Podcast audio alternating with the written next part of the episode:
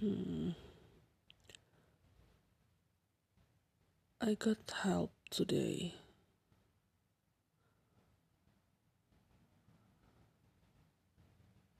That's weird. Still feels strange. I'm not used to it. I'm not used to ask for help